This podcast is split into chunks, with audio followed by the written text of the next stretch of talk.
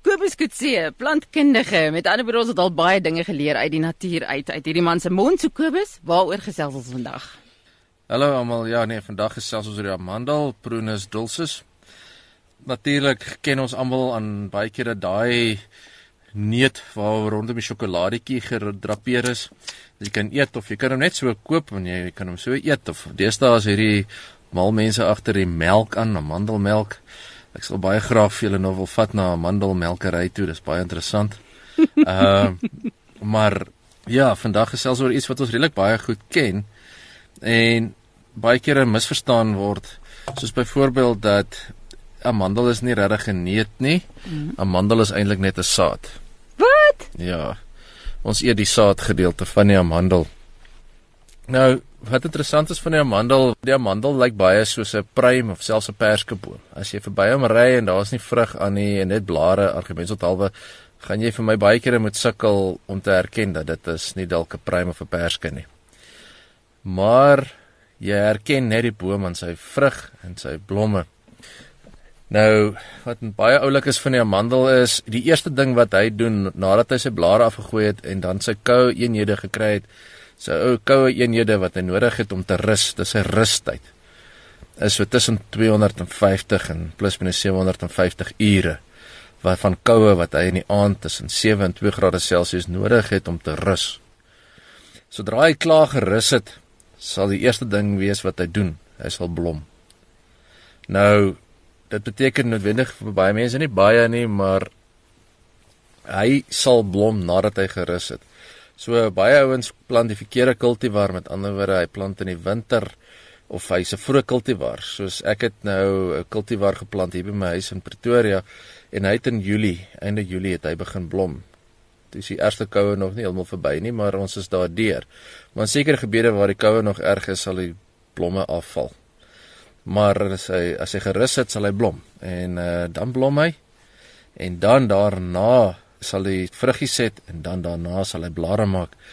Ehm uh, en dan soos julle almal weet, die amandel het rondom hom met hy eers wat ons noem 'n hal en as jy hom uit die hal uithaal, het jy so 'n harde ding wat lyk soos 'n amper soos 'n plat perske. So dan moet jy daar uit hom nog uitbreek. Uh dis 'n doppie binne 'n ja, doppie. En dan kry jy die saad ehm um, wat nou basies die neut is. Die beste is om te kan verduidelik is is baie soos 'n perske, so jy nou die buitekant van die perske, dan moet jy die vleis eet. Maar onthou in hierdie geval het jy nie vleis om idee te eet nie. En dan het jy die pit van die perske en daar binne die pit is die neut.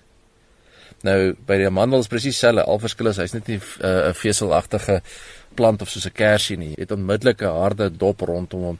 Jy moet hom uit die dop uithaal en dan kan jy kom by die by die put en dan binne die put sit jy dan nou éventueel met jou saad en dis die saad van die amandel is wat ons eet.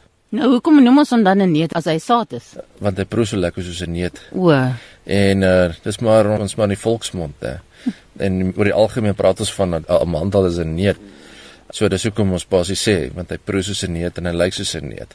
Interessant die naam kom eintlik maar van die Grieks af. Daar's verskeie name vir hom.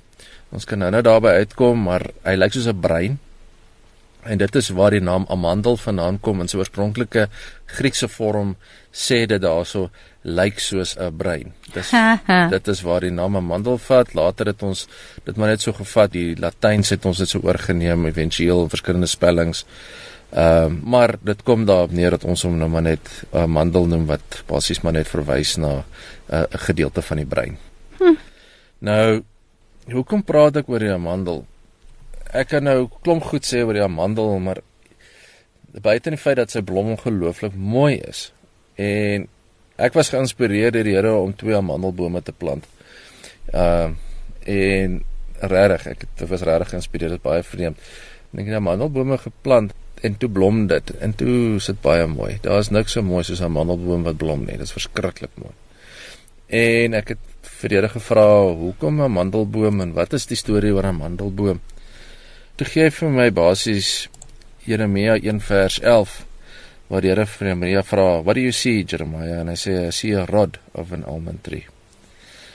En ek het gedog dis omtrent die enigste plek waar amandels voorkom in die Bybel is in Jeremia 1 vers 11.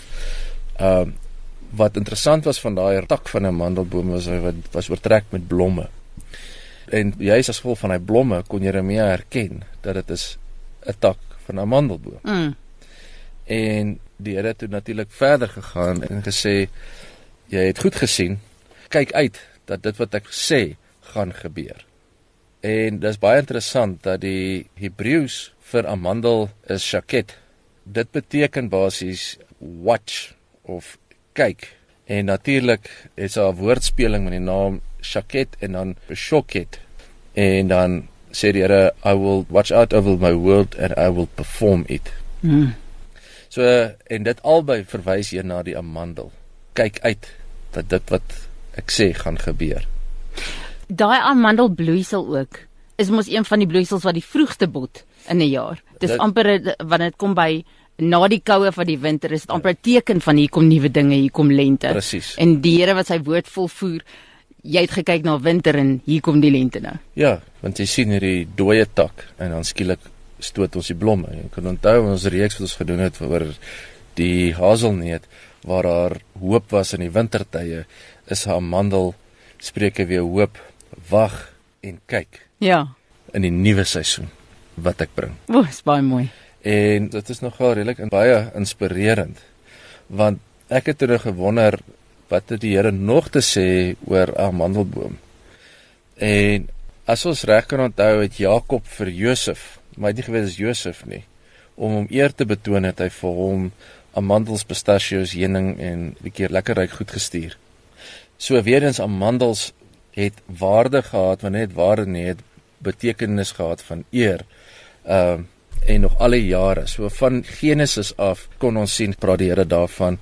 En wat vir my die mees interessantste was was Aaron se staf het skielik begin blom en dit was amandels. Hm. Amandelblomme gemaak sy staf. Dit maak dit half nog 'n groter wonderwerk. Dit beteken sy staf het skielik verander in 'n amandeltak en hy kon blomme maak. Uh wat baie spesifiek was wat die Here begin praat het oor amandels.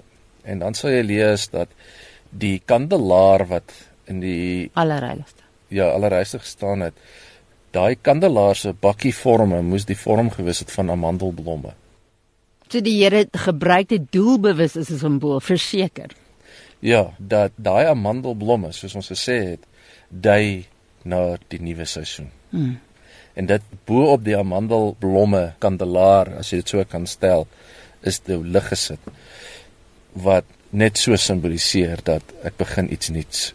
Wag, kyk en wag, ek begin iets nuuts en dan die vlam daarop. Dit is so betekenisvolle boom wat ek ervaar dat die feit dat die Here daar meer as 7 keer in die Bybel oor 'n amandel en amandelblomme en amandeltakke praat. Nou glo dit of dit nie, daar is nog baie om te sê oor die amandelboom en ons gaan hom nog Romeine 21 volgende week ook. Dit gebeur nie baie dat mense so baie het om te sê jy moet hom split in twee weke nie, maar vir eers vir nou vir hierdie week mag die amandelboom jou inspireer om te weet jou God het nuwe dinge en kondig nuwe dinge in jou lewe aan. Elke keer as jy daai amandeltak sien pot. Nou ja, tot volgende week dan, die amandelboom Geromeine 21.